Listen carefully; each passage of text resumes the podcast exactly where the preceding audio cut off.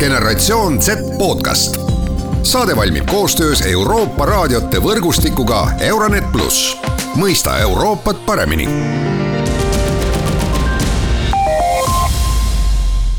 tere, head kuulajad, Gen Z taskuhääling alustab, mina saatejuht Mart Valner ja tänases saates räägime natuke valimisõigusest ja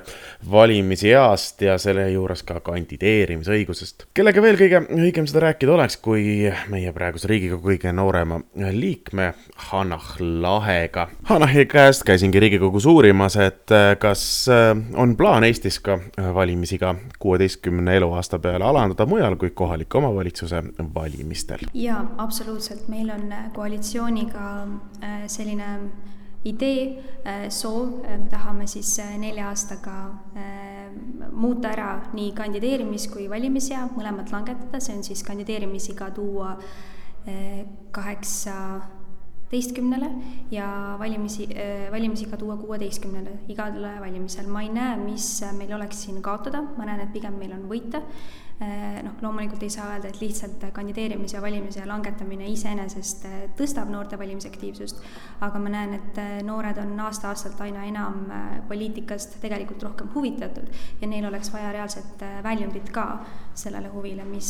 mis valimine ja kandideerimine siis toobki. põhjus, miks noored tahavad valima minna aina enam tegelikult, on see, et meil on olulisemad väärtusküsimused, sellepärast et meie oleme üles kasvanud selliselt, meil on baasvajadus vajadused olnud täidetud, võrreldes siis vanemate generatsioonidega näiteks, et ei tasuks meid üldse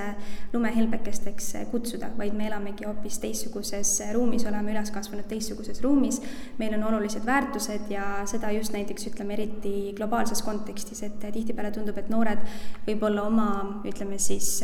kodupiirkonna muresid ei mõista nii palju, kui mõistavad näiteks kliimakriisi ja inimõiguste kriisi. et äh, ootused poliitikale on noorte puhul väga palju muutunud ja ma arvan, et sellest on väga paljud poliitikud ka tegelikult aru saanud. Äh, ütleme näiteks siis seoses aktivismiga, kui palju äh, inimesed, noored inimesed, kes äh, tahavad kuulda kliimast ja keskkonnast rohkem, lähevad valima nende kandidaatide poolt, kes selle eest seisavad. mulle tundub, et seda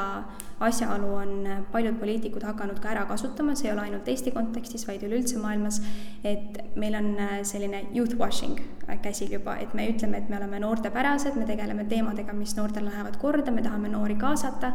siis noored valivad, aga tegelikult sellele ei järgne mitte midagi. Ja see ei puuduta ainult äh, valimisi, vaid see puudutab ka üleüldist äh, kaasamist äh, poliitikaprotsessidesse, et kui palju me noori kutsume aruteludele, kui palju me küsime sisendit, kui palju me laseme noortel ise mõelda ja lõppude lõpuks, mis see väljund neile siis on, et olles ise olnud näiteks kliima noordelegaat COP kahekümne seitsmel, praegu olles siis liige Noorte Keskkonnanõukogus, olles käinud erinevatel noorteüritustel Euroopas, ma näen väga palju seda, et kui noored võetakse otsustajate laua taha, siis nende arvamus kuulatakse ära, aga see on ka kõik. et see arvamus tegelikult ei liigu kuhugi edasi ja see on üks põhjus ka, miks kandideerimise ja langetamine on väga oluline, et noored ise satuksid otsustajate sekka mm. -hmm. väga mõistlik mm. -hmm. no samas oma poliitilist huvi või ühiskondlikku aktiivsust saab ju väljendada päris mitmel erineval moel, selle jaoks ei pea kandideerima mõnda valitavasse ametikohta, eks ole, et äh, olgu tööle saamine on äh, otsustaval ametikohal on ka kaheksateistaastaselt väga keeruline, kuidas me ütleme, et kaheksateistaastane sobiks olema üheks äh, näiteks äh, saja ühest Riigikogu liikmest või. Äh, kui me vaatame seda, mis on praegu peamiselt vastuargumendid sellele, siis on selles, et noored inimesed on A mõjutatavad, neil puudub elukogemus, et ise otsustada. ja, ja et see ei muudaks tohutult palju meil mitte midagi, sellepärast et noored niikuinii valivad nii, nagu nende vanemad seda teevad või siis mingisugune neid väga tugevalt mõjutav huvigrupp Äh, no, no pädevad argumendid või on? ma arvan, et ei ole tegelikult, äh, loomulikult igal asjal on kaks külge, aga mina näen seda, et äh, noored kandidaadid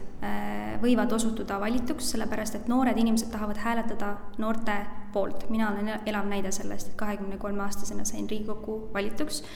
küll mitte kõige noorema inimesena ajaloos, aga kõige noorema naisena, vähemalt minu teada. ma arvan, et noorte valimisaktiivsust see väga palju mõjutab, millised eeskujud neil poliitikas juba olemas on ja meil on Eestis demokraatia, nii et kui me langetame kandideerimise ea kaheksateistkümne peale ja valijad näevad, et kaheksateistkümne aastane inimene võiks neid esindada Riigikogus, siis, siis demokraatia on oma sõna maksma pannud ja, ja nii see on, aga samas ma näen ka, justkui rääkida kandideerimiseast,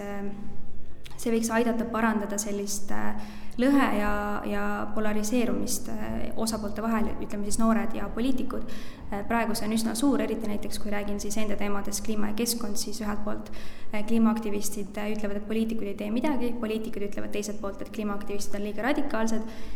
üldjoontes võib isegi öelda, et nad räägivad äh, samast asjast väga erinevate külgede alt, aga koostööd sealt ei sünni, sellepärast et nad ei leia kokkulepet. nüüd, kui meil oleks poliitikas rohkem noori, siis see olukord võiks muutuda, sellepärast et meil oleks süsteemis sees inimesed, kes tahaksid asju mõjutada. et lihtsalt valijana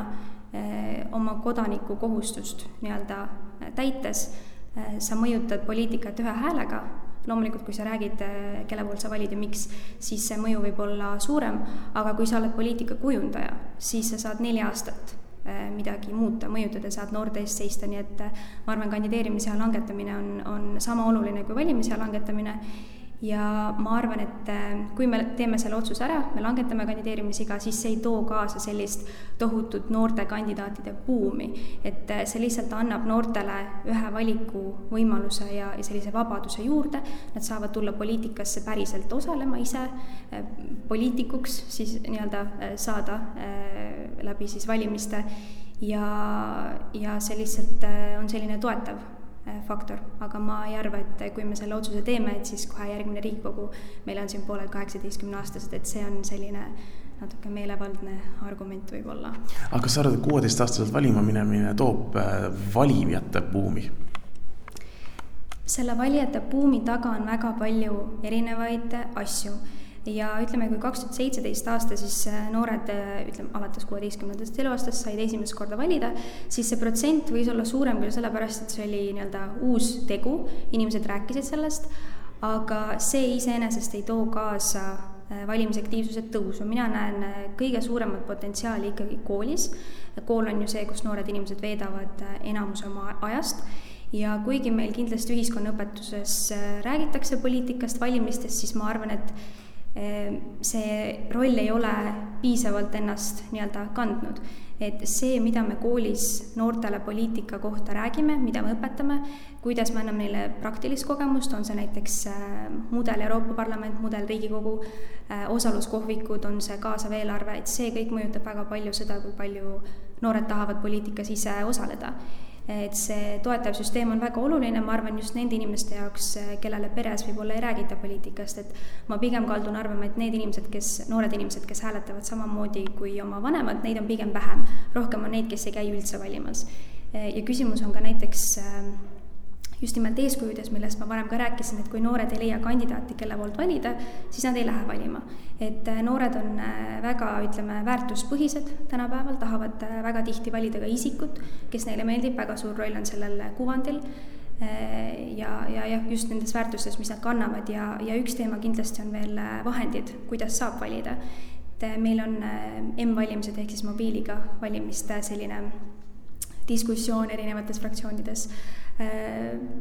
käimas juba aastaid tegelikult, selle võiks ära teha. ma usun, et see kindlasti tooks noori, äh, mitte ainult noori, vaid ka üldse inimesi rohkem valima, sellepärast et see on mugav. Äh, kui me vaatame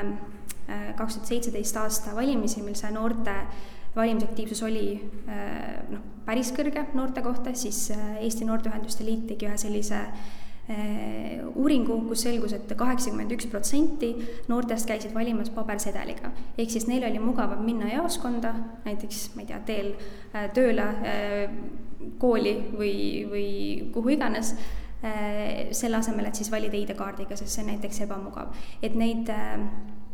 nii-öelda äh, tugisüsteeme, mida ehitada selle jaoks, et valimisaktiivsus noorte seas tõuseks, neid on väga palju erinevaid. Äh, see kindlasti ei ole iseeneslik, et äh, noor tuleb valima, selle jaoks peab tegema päris palju tööd. ma arvan, et see esimese valimise, sedeliga valimise osa on ka mitte ainult mugavus, vaid see, et mina mäletan, kui mina esimest korda valima läksin, kas mu vanemad ütlesid ei. ikka jaoskonda, me läheme ikka jaoskonda seda esimest asja tegema. sümboolne asi, eks ole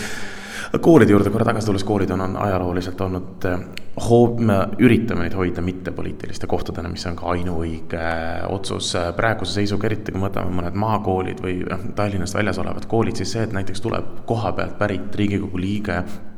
kooli külla, räägib oma tööst ja elust, on tore suur sündmus ja kõigile hästi meeldib. kui needsamad kooliõpilased hakkavad nüüd olema sellesama potentsiaalse Riigikogu liikme tulevased valijad või ükskõik kelle teise poliitiku, kes saab nüüd minna kooli rääkima mitte lihtsalt mina kui poliitik, sest et mind valida niikuinii ei saa, vaid mina kui teie potentsiaalne järgmine kandidaat, kas ei tekita mingisuguseid äh, probleeme koolide osas just? Kindlasti ütleme, sellist äh, halli ala äh, on poliitikas üldse väga palju, aga just ka, mis puudutab kampaaniat, valimiskampaaniat, et mul on viimastest äh, kohalikest valimistest tuua mitu sellist näidet, mida ma olen kuulnud üle Eesti, kus on olnud noored kandidaadid Äh, erinevates Eesti piirkondades ja, ja nad on siis näiteks koolis teinud ka kampaaniat, et äh, ma arvan, et see on üsna taunitav selles mõttes, et kool peaks tõesti olema neutraalne nii-öelda äh, pinnas. küll aga mis saab koolis väga palju teha, on ikkagi just nagu ma mainisin, see ametliku formaalse hariduse pool on ühiskonnaõpetus ja siis on selline hea tava äh, pakkuda kõikidele erakondadele, kõikidele vaadetele võrdset platvormi, ehk siis korraldada debatte, äh, diskussiooni, kutsuda kõikide erakondade liikmeid rääkima, et äh, juhul, kui see valimiste-eelne nii-öelda diskussioon koolis kaldub ühele poole, siis see juba ei ole tegelikult hea tava. Ja haridus- ja Teadusministeerium koos Eesti Noorteühenduste Liidu ja õiguskantsleriga on tegelikult koostanud sellise valimiste hea tava koolidele, kus äh, on väga selgelt kirjas, mis on hea praktika ja mis mitte, ma arvan, et seda jälgides on koolidel kindlasti valimiskampaaniate ajal lihtsam. aga, aga kindlasti on, äh, on siin erinevaid äh, küsimärke, ma arvan, suur osa on ka näiteks õpilasesindustel, kui palju nemad räägivad poliitikast, kas seal on näiteks mõni kandidaat, ütleme, kes võib-olla koolis omavad sellist mingit suuremat jõuhulga või kui, kui keskmine õpilane, et äh, muutujaid on väga palju. kui, kui noore, nooremana lubati juba valima, siis mõtlengi, et kui palju see toob nii-öelda ise uuesti uusi, täpselt uusi poliitikas aktiivseid inimesi juurde? jaa, äh, siin on äh, tegelikult üks selline suur erinevus maa- ja linnapiirkondade vahel, mis ma tunnen, et on väga oluline välja tuua, et me ei saa toetuda ainult sellele, et ühiskonnaõpetus annab selle nii-öelda siis äh, motivatsiooni või, või kuidagi tahte noorele minna valima, sellepärast et ühiskonnaõpetus koolides, ühiskonnaõpetajad koolides on väga erinevad. Ja jällegi rääkides äh, sellest, et ma tulin äh, maakoolist, maapiirkonnast, siis tegelikult minul kindlasti ei olnud kõiki neid vahendeid ja tööriistu antud kooli poolt lihtsalt puhtalt vahendite, võimaluste pärast, võrreldes näiteks mõne Tallinna eliitkooliga, kus korraldati igasuguseid mudelistungeid, debatte, arutelusid, et see on näiteks väikestes kohtades puudu. ja, ja ütleme, maapiirkondades just võibki olla see mõjutatavuse küsimus, samamoodi ka vanemate eelistuste küsimus, et kui noorel ei ole valikuid, kelle poolt hääletada, tal ei räägita koolis, ei räägita kodus ka, siis ta tõenäoliselt ei lähe üldse valima, et, et maapiirkonnad ei tohi selles mõttes maha jääda. Mhm, okei. Apaatsusega võitlemine on see, millega me saame oma poliitikaid, poliitikat ja valimisaktiivsust tõsta, ühesõnaga kaks tuhat kakskümmend neli Europarlamendi valimised, noh, seda seadust enam muutma ei hakka, et seal nooremad kui kaheksateistaastased valida ei saa, kuigi noh, paaris Euroopa riigis juba see on kuueteistkümne peale langetatud, kaks tuhat, noh, järgmised siis järgmised valimised, mis tulemas on, järgmised tulevad meil KOV-i valimised, seal on kuusteist juba, siis tulevad uuesti Riigikogu valimised. kas selleks ajaks võiks olla see seadus muudetud? me praegu sihime kaks tuhat kakskümmend üheksa aasta Europarlamendi valimisi, mis on nüüd siis äh, kevadel tulevad äh, praegu järgmised, ehk siis äh, võib öelda ülejärgmised Europarlamendi valimised, ma arvan, et selleks ajaks me oleme piisavalt suutnud seda valimis- ja kandideerimise langetamist äh, nii-öelda selle äratasumist tõestada ühiskonnas, me oleme piisavalt suutnud debatti pidada, kuigi nagu ma ütlesin, ma ei näe, et meil oleks midagi kaotada, aga see kaks tuhat kakskümmend üheksa EP on selline eh, hea sihtmärk, et me liigume rahulikus eh, tempos ja Euroopa Parlament on kindlasti ka eh, ütleme, võib-olla tekitab vähem vastuargumente kui Riigikogu valimised, et jah. Mhm. selge, Hanah, aitäh sulle! aitäh! generatsioon Z podcast saade valmib koostöös Euroopa raadiote võrgustikuga Euronet pluss, mõista Euroopat paremini